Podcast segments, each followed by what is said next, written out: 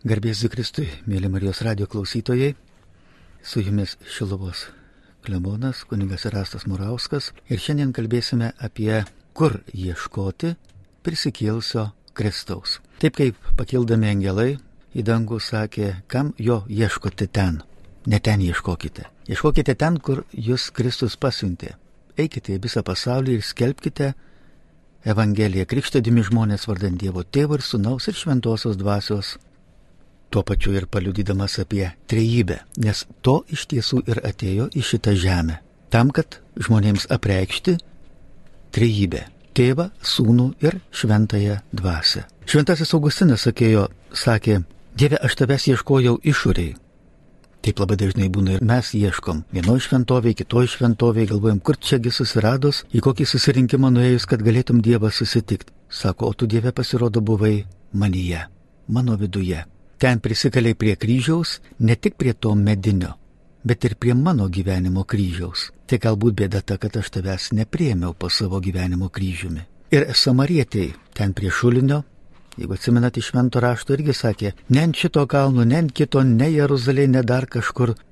Dievas ieškos garbintojų visų pirmiausiai savo kiekvieno žmogaus širdyje. Ir Jėzus tą pažadėjo, sako aš su jumis per visas jūsų gyvenimo dienas iki jūsų buvimo pasaulio pabaigos. Taigi pasirodo, Dievą reikia turėti savo širdyje, tik neuždaryti jo tenai kalėjime, neužritinti akmens ir taip įsitikinti, štai Dievą turiu, jau viskas tvarkoj. Turbūt taip įsivaizduoja žmonės, kurie prieina pirmos komunijos, paskui sutvirtinimo sakramentą, daug Dievė dar santokos sakramentą priima ir viskas, nu, aš susitvarkiau maždaug kaip teisės. Lankiau, lankiau, gavau teisės, tiek reikalų, daugiau nieko man nereikia, turiu popierių ir viskas, bet nu Dievas ne popierinis. Dievas ne popierinis, Dievas nori ko? Asmeninio santykio. Jis nori bendrystės. Ir labai dažnai žmonės sako, svarbiausiai Dievą turėti savo širdyje. Hmm.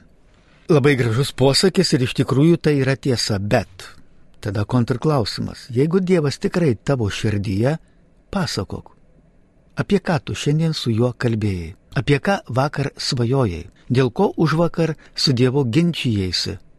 Galbūt jam priekaištavai? Nėra tokių dalykų.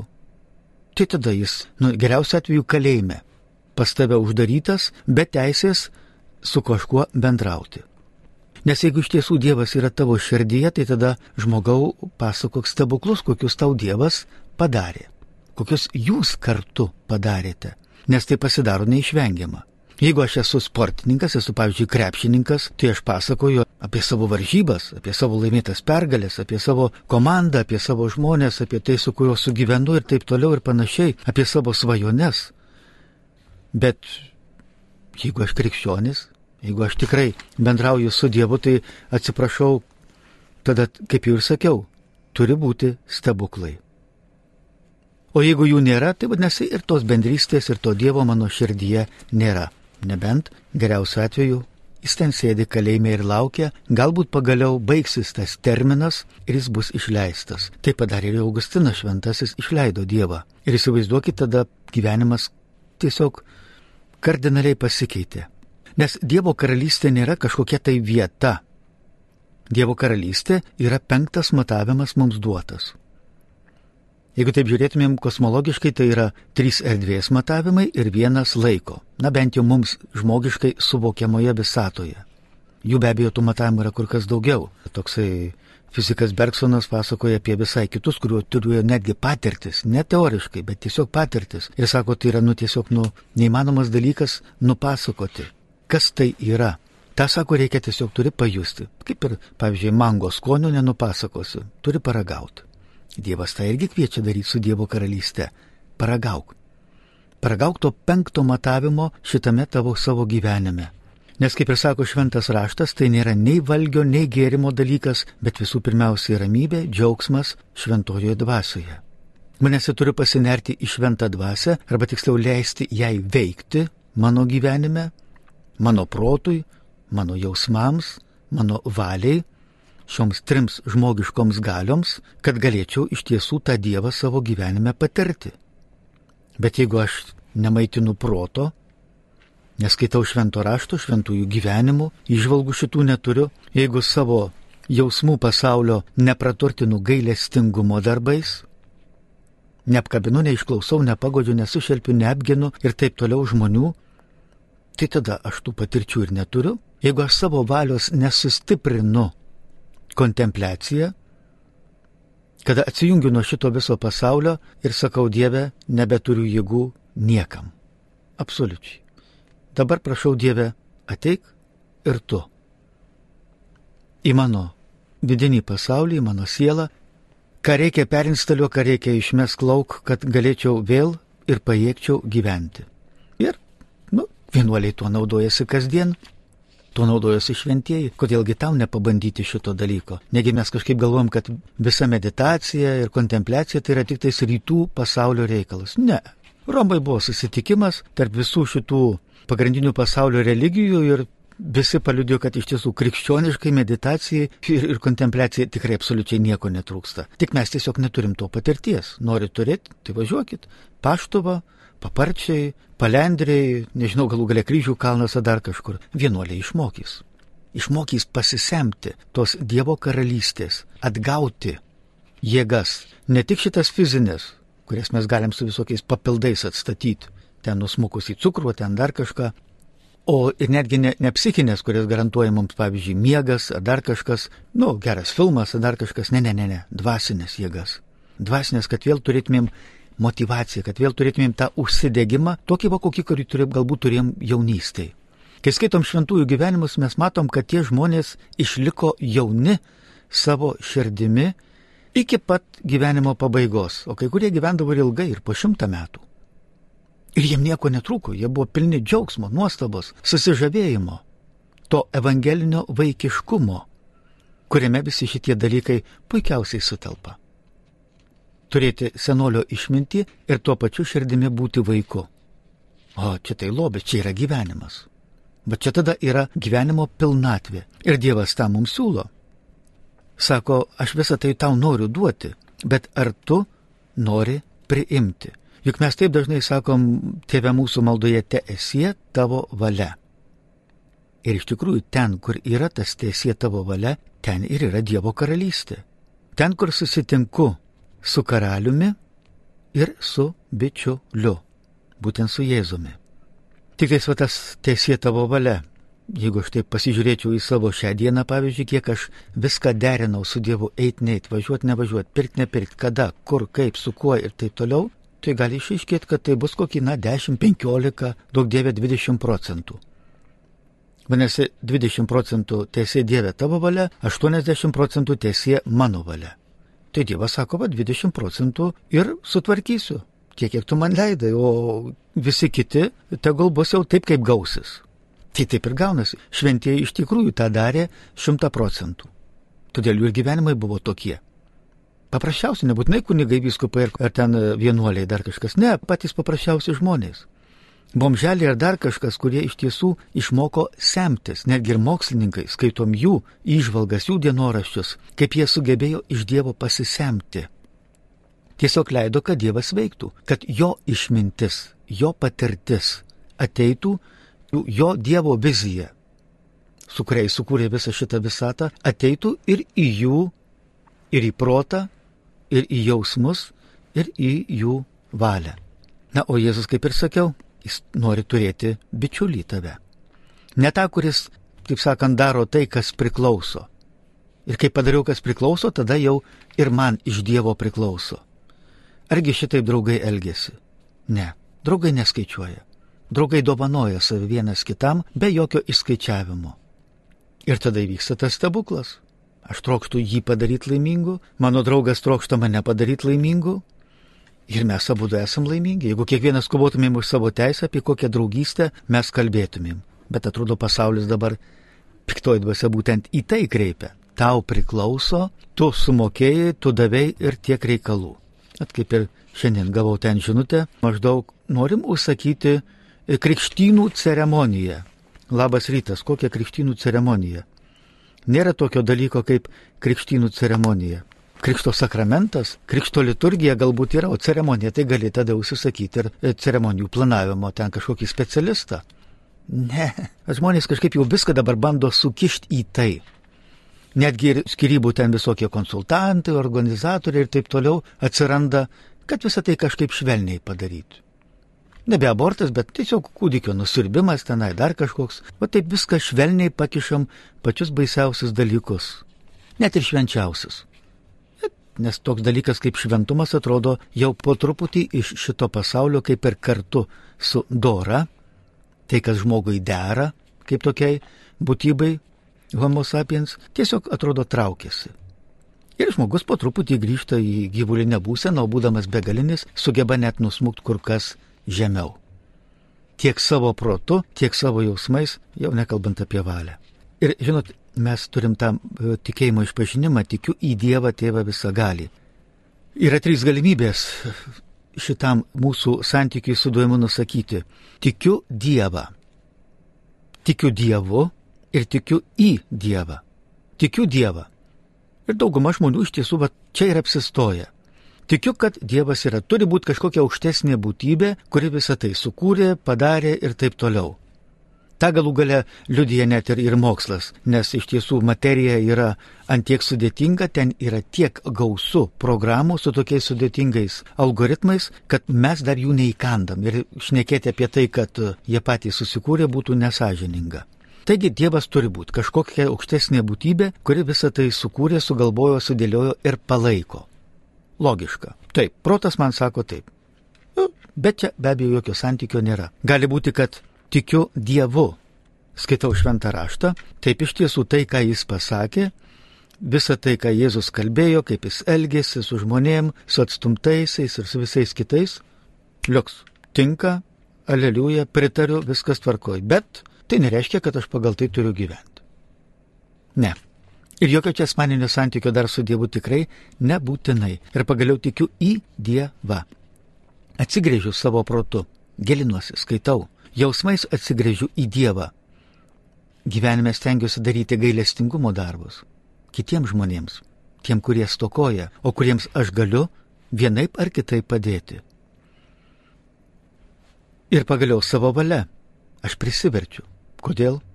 Todėl, kad Dievas dėl manęs viską padarė, gal ir aš galėčiau įsijungti. Ir ne tik padarė, jis man ir daro kasdien stebuklus. Manimi rūpinasi, padeda man spręs problemas. Tai patirdamas šitokį dalyką aš neturėčiau jaust dėkingumo. Jis sumoka visas mano skolas gyvenimo, ar tai būtų dvasinės, ar netgi ir galų gale fizinės. Tai argi aš neturėčiau irgi kažką panašiai daryti, jeigu tikiuosi jo draugystės ir tą draugystę netgi patiriu nesu svolačius, nesu niekšas. Taigi ir aš tengiuosi irgi eiti kartu su juo. Priimu jo tvarką, jo karalystę į savo gyvenimą. Tiesiog ją įsiinstaliuoju. Ir tada be abejo mano gyvenimas keičiasi, jis pasidaro visai kitoks. Nes Dievo karalystė juk nėra kažkokia abstrakcija, o labai konkreti realybė. Ir ta realybė iš tiesų, nu, jinai jaučiasi, jinai matosi mano gyvenime, jinai mane perkeičia. Ne pasaulyje aplinkui mane esantį pakeičia, bet pakeičia tris dalykus manyje. Šitą asmeninį bendrystę su Jėzumi pakeičia mano pasaulyje žiūrą, pasaulyje jautą ir pasaulyje vaizdį. Pirmiausiai pasaulyje žiūra. Staiga aš dabar žiūriu į pasaulį ne kaip vartotojas, hedonistas, ką man gali duoti kitas pasaulis, valstybė, Lietuva, ar bendruomenė, ar grupė, ar šeima, ar dar kažkas. Staiga viskas apsibožė. Aš pasidarau kaip tas Adomas ar Jėva, kurie žiūri, ar nėra kitas reikalingas mano pagalbos, gal aš galiu kažkam kažką duoti. Čia atsiranda ir pareiga, ir atsakomybė nebeprimestina, nebeprievartini, bet einanti iš manęs paties. Man pasidaro džiaugsmas kitą padaryti laimingu, padėti, pagelbėti, užstoti, apginti ir visa kita, tai mane tiesiog pripildo ir atgaivina. Pasikeičia ir mano pasaulė jauta. Man nebėra svetimo skausmo. Man nebėra blogų žmonių, Nebėra tų, kurie iš tiesų galėčiau imti nuteisti. Putinas Voločius, Hitleris degradas ir taip toliau ir panašiai. Aš jau visai kitaip žiūriu į tuos žmonės. Pasižiūrėjęs į tokį Hitlerį matau, kad tai buvo poetiškos sielos menininkas, žmogus, dailininkas, mėgstantis urbanistinę, taip sakant, akvarelę, galite rasti puikiausiai internete, kuris, taip sakant, bandė iš paskutiniųjų įstoti į meno akademiją ir jo ten nepriėmė. Neturėjo pinigų, neturėjo užtarėjų, neturėjo pažįstamų ir neprėmė. Patyręs tą neteisybę, be abejo, žmogus, juo labiau, kad dar būdamas vaikystėje ir jaunas, ir gležnas, ir silpnas, patyrė krūvą visą patyčių, imtinai iki šlapinimus ant jo ir taip toliau panašiai ten tų bendramžių ir vyresnių, tai be abejo žmogus, nu, jis buvo psichologiškai sužeistas. Stipriai dar patyręs tokią neteisybę, be abejo, nenormaliai reaguoti į nenormalią situaciją yra normalu. Čia yra psichologijos aksioma. Ir tas žmogelis, va, turim tą variantą.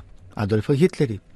Buvo Adolfas Šikulruberis, tapo Adolfu Hitleriu. Kaip ir Putinas, jeigu pažiūrėtumėte jo vaikystę, į tai, ką jis patyrė, neturėdamas tėvo, turėdamas tai vieną, tai kitą patėvį, paskutinysis ten jį ir žiauriai muždavo ir visa kita, kol vaikas pagaliau išmoko veidmainiauti, įtikti, pataikauti, išmoko manipuliuoti žmonėmis. Ką puikiausiai mes šiandien ir matom. Jis tą ir daro. Bet tai yra ligonis. Ir ne tiek fizinis apie jo lygas, kur pasakoja, bet ir, ir ten sužeistas žmogus ten viduje. Ko gero taip ir nesusitikęs Jėzaus taip tos Dievo karalystės gyvenime ir nepatyręs. Nepatyręs, kad kažkas apkabintų, išklausytų, pasaką prieš miegą pasiektų, pasidžiaugtų jo pergalėmis ar dar kažkuo. Be abejo, tokia širdis. Žinot, o paprastai pasakius vėlgi psichologija. Agresiją patyręs žmogus ką daro? Susitapatina su agresoriumi. Suveikia ta psichologinis tas aparatas, tu turi būti toks pats, kad tau nereiktų bijoti. Jis tą ir padarė. Na, čia toks diskursas apie pasaulyje jautą. Tu visai kitaip tada reaguoji, tu nematai, kad tas žmogus yra blogas, beviltiškas ir kaip būtų gerai, kad anot Stalino yra žmogus, yra problema. Nėra žmogaus, nėra problemos. Tu matai jau visai kitaip. Taip kaip Jėzus sako, už priešus melskitės, kurie jūs persikioja, laiminkit. Ir viskas pasidaro visiškai kitaip. Nu, konkretus pavyzdys. Kaunas Rotušės aikštė, užeinu į tą telefono būdelę, kažkam paskambinti reikėjo ir, taip sakant, paimu tą ragelį, o ten skreplys, toks normalus skreplys užkabintas ir šimtų procentų kažkas kažkur užlindęs stebi, kaip tas žmogus reaguos. Nu, aišku, pirma reakcija tai yra rusų kalbos žodynas, kur, taip sakant, ten tai jis labai išraiškingas, Nes jeigu nežinai to žodino, tai tokiuose situacijose neturėtum ką pasakyti. Taigi, iš tiesų, tada pirmiausiai šitie lyg tai būtų, bet kadangi jau Jėzus perkeitė, tu ką darai, tu matai, tas žmogus turbūt buvo labai nelaimingas, jeigu šitai pasielgė. Jeigu visą, ką jis sugebėjo sukurti, yra tik tai šitas va skreplys kabantis ant to ragelio. Ir tu tada meldiesi už tą žmogų. Meldiesi, o Dievas tokiais momentais, kai tu įveiki ne pasaulį, bet įveiki save, kaip Aleksandras Makedonietis sakė kažkada, amžinatelsi, tai sakė kaip, aš nugalėjau pasaulį, o pasaulis nugalėjo mane. Godumas, šikštumas, arogancija, puikybė, valdžia ir visa kita įveikė mane. Jis tą pripažino. Taigi ir ką tada ir meldiesi tada už tą jaunuolį, kuris galbūt tenai yra, tą visą būrį jaunuolių, kurie tenai kažkur bando juoktis. Meldiesi, o Dievas kažkaip panaudos tą. Juk šventieji darė lygiai tą patį, motina Teresė liudė tą patį. Jeigu sako, Dievo karalystė yra tavyje, tai tu net jeigu daryk gerą žmonėms, negalvodamas, kaip jie tai prims, apkalbinė, šmeiš, pripaišys tau, kad kažkokią naudą turi, tyčiosis ar dar kažką, vis tiek daryk gerą. Jėzusgi darė tą patį. Puikiai žinom, kad ir persikėjo, ir išmeišė, ir paliko, ir atmetė, ir priekaištavo netgi tie patys apaštalai, ir pievas ten šnekėjo, duok mums ministrų portfelius, kad kairiai dešiniai tave sėdėtumėm. Jėzus sako, kai būsiu ant kryžiaus, kažin ar būsit kairiai dešiniai, kaip matot, ne. Buvo latrai. O tų apaštalų, nu, Jonas tiesa buvo ten apačioj stovėjo.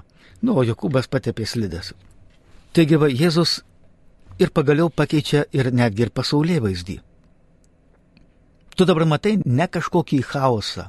Nematai, kad esi kažkoks gamtos stichijų, genų, kodų rinkinys, toks sutapimas kosmologinis, kad va, pokšt, ėmė ir atsiradai.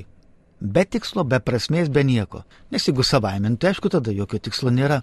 Ne, esi norėtas, esi mylimas, esi trokštas, esi apdovanotas. Jūs girdite Marijos radiją.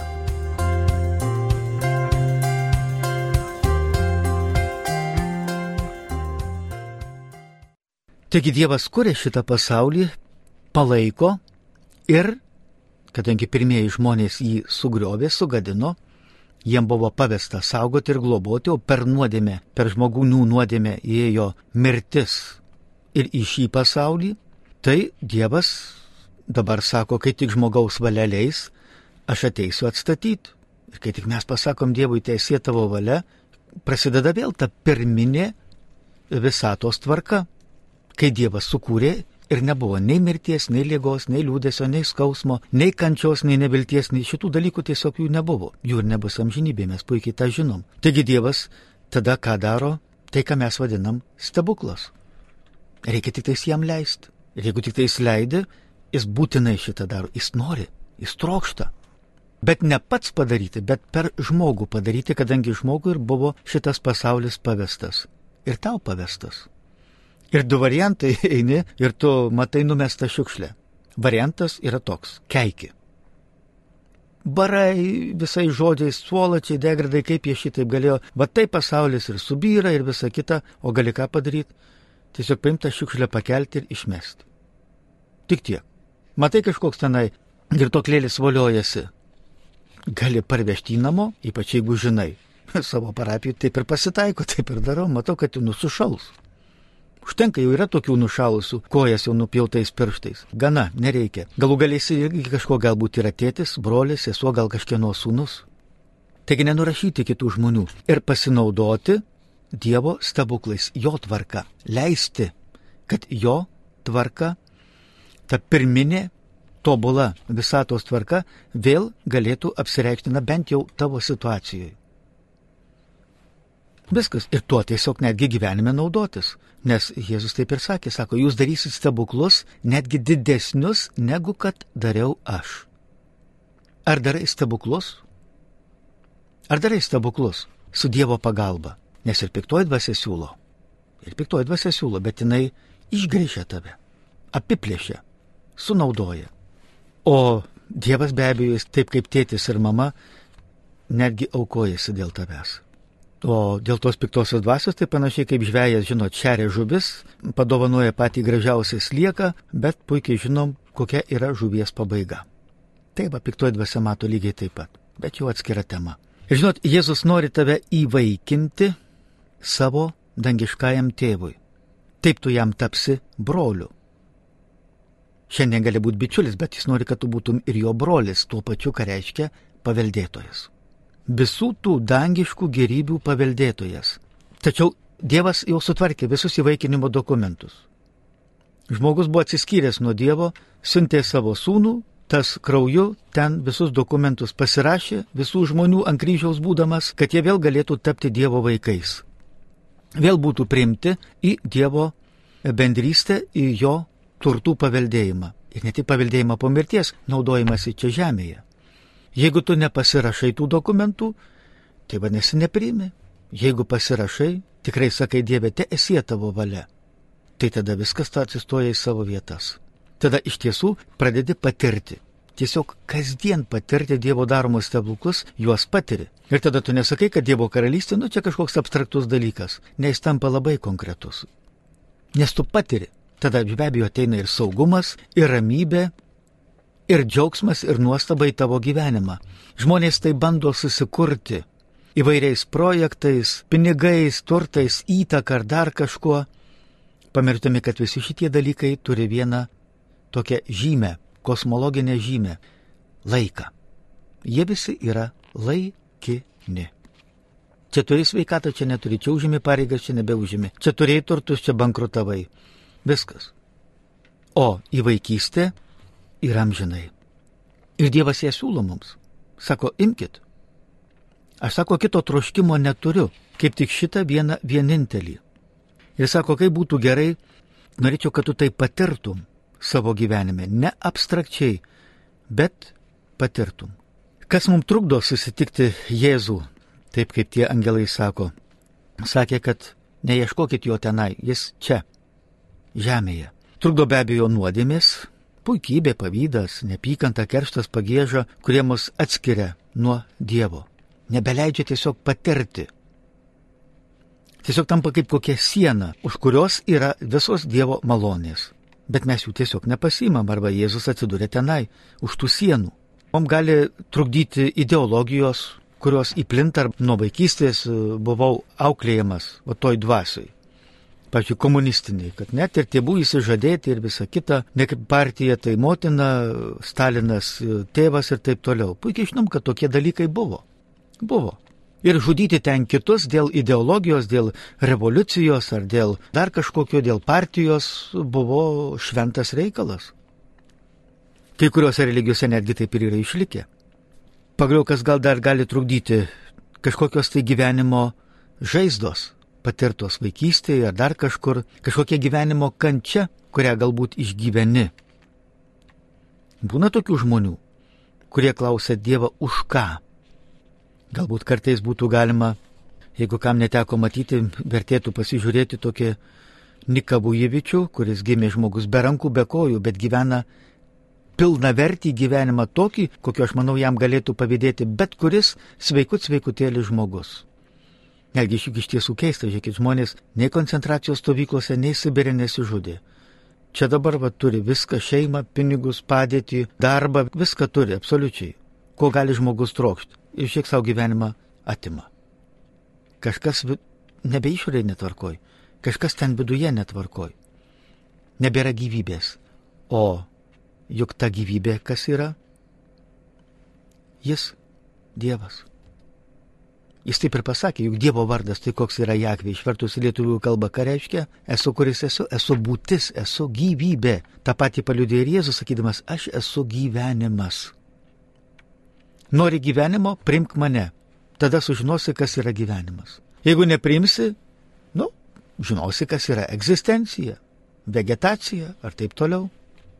Jeigu tau patinka egzistuoti, vegetuoti, aš tavęs negaliu priversti priimti mano dovanas bet aš tau jas iš tiesų duodu. Juk tą Dievo karalystę patyrė, kai mes skaitom e, šventą raštą, jau pavyzdžiui, kur atsirado Dievo karalystė? Betlėjui gimė Jėzus. Nu ir kokią mes ten matom aplinką? Nu, šalta. Marija ką tik pagimdė, tai turėtų būti visas komfortas moteriai. Puikiai žinom, kad jokio tenai nėra. Daug dievė, jeigu kas nors buvo atėjęs padėti jai gimdyti, ar neteko kartais pačiai vienai nes nežinia, ar Juozapas nebuvo palpęs.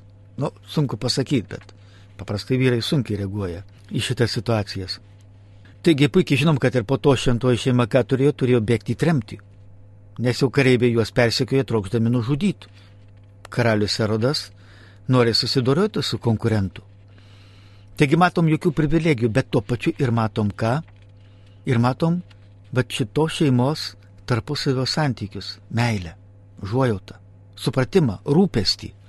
O ko juk reikia žmogui iš tiesų šiame pasaulyje? Visų pirmiausiai šito ir reikia.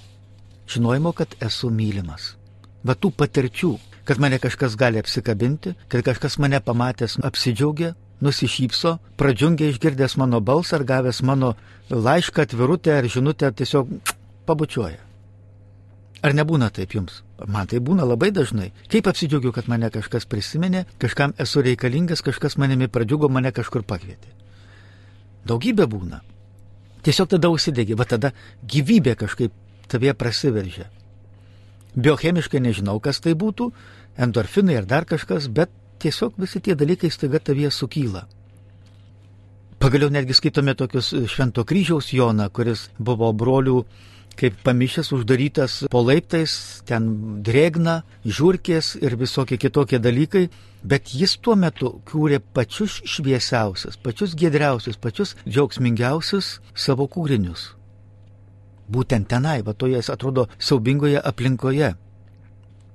Tai be abejo ir buvo daugybė šventųjų gyvenime, kad patys šviesiausi, gražiausi dalykai vykdavo būtent tada, kada būdavo, atrodo, pats didžiausias suspaudimas. Na ir kas dar gali mūsų dienomis žmogų atskirti nuo Dievo ir trukdyti susitikti Jėzų? Sotumas. Aš visko patenkintas, visko garantuotas, normali sąskaita, viską turiu, visko ir galiu savo sėdėti, gulėti, graužti, žiūrėti teleką ir vadovauti, džiaugtis gyvenimu ir taip toliau. Bet labai greitai tokie žmonės paskui nupuša. Galbūt todėl Dievas ir neduoda ir šventiesiems nedavė kažkokių apstybių, nes puikiai žinojo, kad greitai jo nebereikės tada. Žmogus jau tokia būtybė. Jis gyvena penkiais pojūčiais ir jam būtinai šitų patirčių reikia. Ir va, tas sotumas iš tiesų labai greitai gali, o tik ką man tas Dievas? Tik kad aš viską turiu. Vat kai jau, žiūrėkit, tokioje Amerikoje, kai tie buvo prekybos centras, tie du bokštai buvo nugriauti, pirmas dalykas ką? Masiškai perkama šventas raštas. Tiesiog masiškai. Non-stop, kaip per pandemijos pradžią tualetinis popierius. Vat, kažkas panašaus. Nesuprantu, kam tas popierius buvo ten reikalingas, bet, nu, vat kažkaip, būtent šitaip, arba kaip čia va, karui prasidėjus, druska buvo visa išpirkta. Dingo. Tiesiog masiškai žmonės ją pirko ne, nelogiška, neprotinga, nes dabar jau jos vėl pilna, kiek tik tais nori pirkti, pridėta su akcijom. Bet iš tiesų žmogaus sotumas taip padaro, galbūt netgi ir, manau, galbūt ir tarybiniais laikais. Juk visko atrodo užteko, bet specialiai buvo tas kuriamas alkis, kad kartai žmogus neaptuktų. Tiesiog, kad neaptuktų. Kad būtų tas veržimasis, kad mokėtų džiaugtis, kad dar būtų džiaugsmas.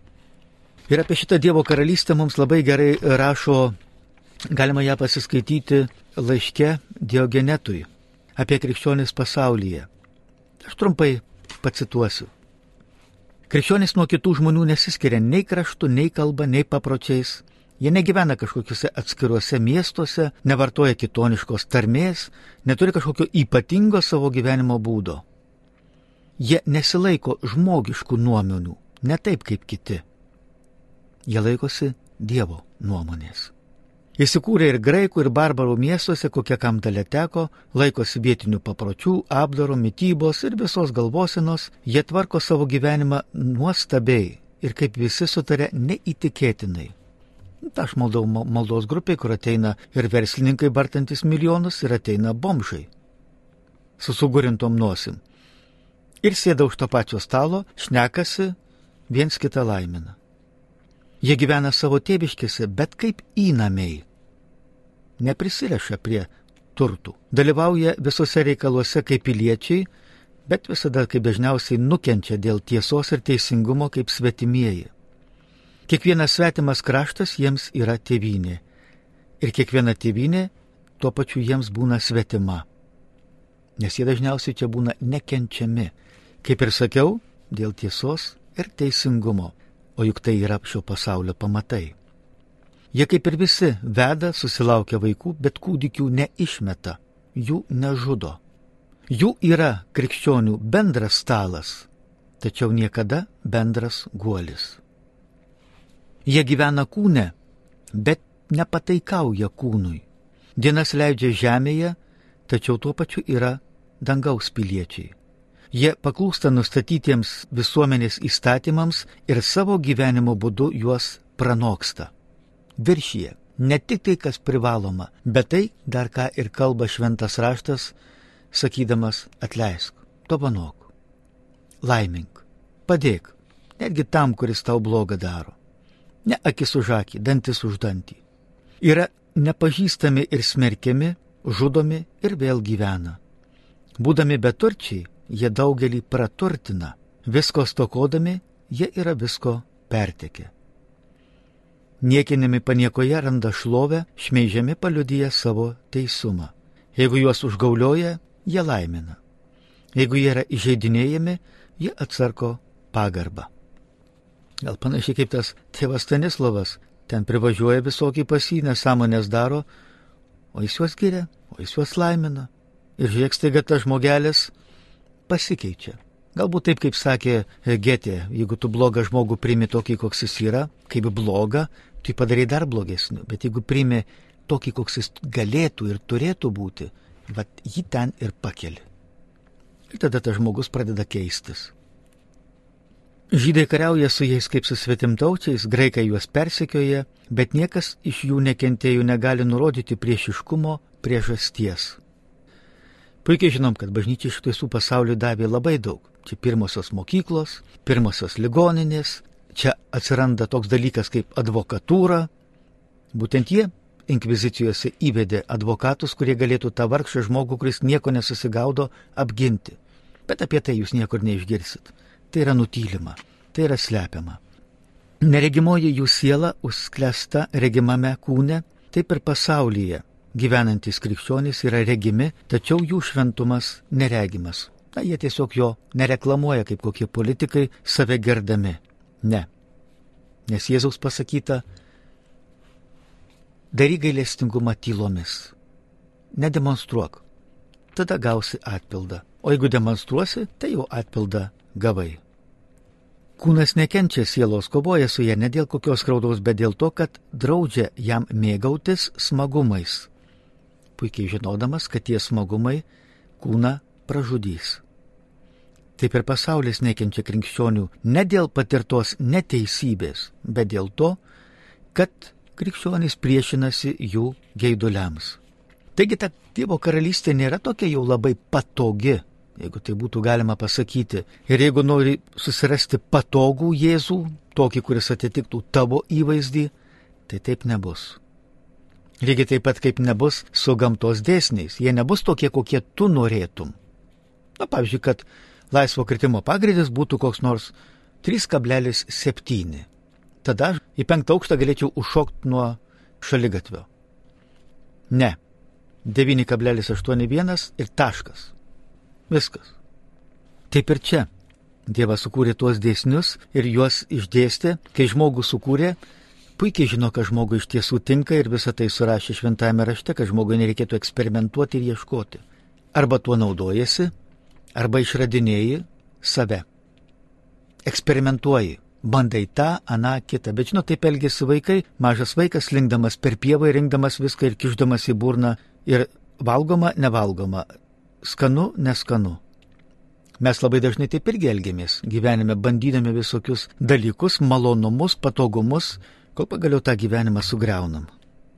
Apsinuodijam. Štai dėl to Dievas mums ir davė save visų pirmiausiai kaip gyvenimo draugą, kad galėtumėm eiti kartu su juo, kad patirtumėm jo pagalbą, jo globą ir galėtumėm šitame gyvenime džiaugtis.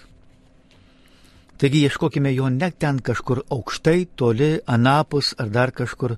Ieškokime jo savo širdie, taip kaip ir sako šventas raštas. Eik į savo kambarėlį ir kalbėk su Dievu, savai žodžiais. Žinot, galbūt todėl vaikų maldos yra pačios galingiausios. Jiems su Dievu dar problemų nėra. Antroje vietoje - ligonių maldos. Jie iš savo kančios dar pasitikė Dievu. Ir be abejo paskutiniai jau toliau eina šventieji ir visi kiti žmonės, kurie dažniausiai būna jau civilizacijos paliesti, jau turi savo saugumo garantus ir jam dažniausiai jau Dievo reikia šiek tiek. Be abejo, tada ir stebuklų būna tik šiek tiek. O Dievas taip norėtų, kad mes ją semtumėm šimtų procentų, nes jo karalystėje tų stebuklų, tų Dievo malonių yra begalybė. Gal tuo mūsų laida ir baigsime iki kitų susitikimų. Su Dievu.